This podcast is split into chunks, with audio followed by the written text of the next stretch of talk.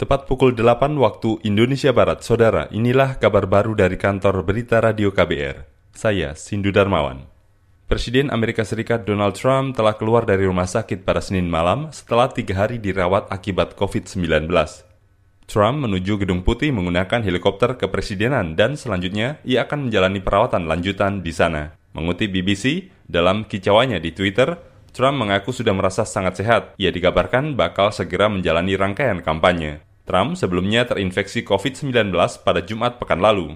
Pada hari yang sama, ia kemudian dirawat di rumah sakit militer di Maryland. Selain Trump, ibu negara Amerika Serikat Melania Trump juga terkena virus corona.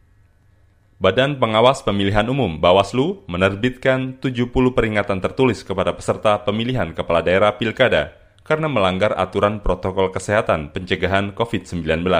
Anggota Bawaslu, Fritz Edward Siregar, mengatakan Peringatan tertulis itu dikeluarkan sejak pekan pertama masa kampanye.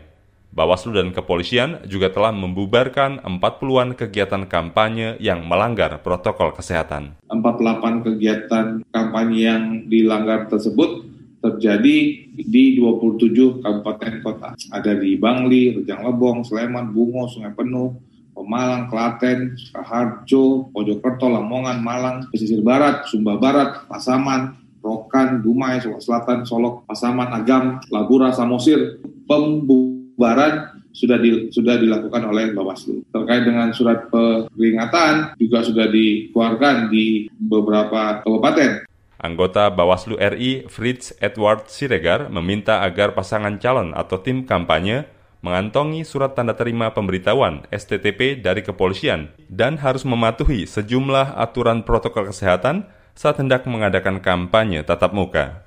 Saudara, puluhan ribu nomor induk kependudukan NIK warga penerima bantuan sosial di Kabupaten Magetan, Jawa Timur diduga bermasalah di Pusat Data Kementerian Sosial.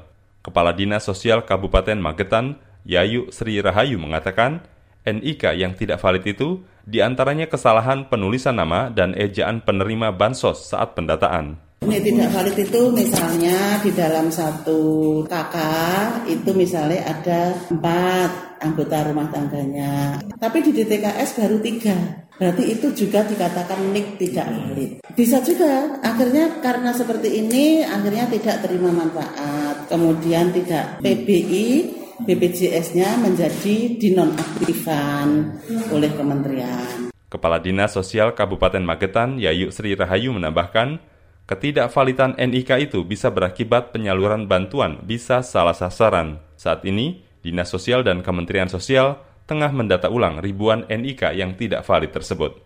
Demikian kabar baru dari kantor Berita Radio KBR. Saya Sindu Darmawan.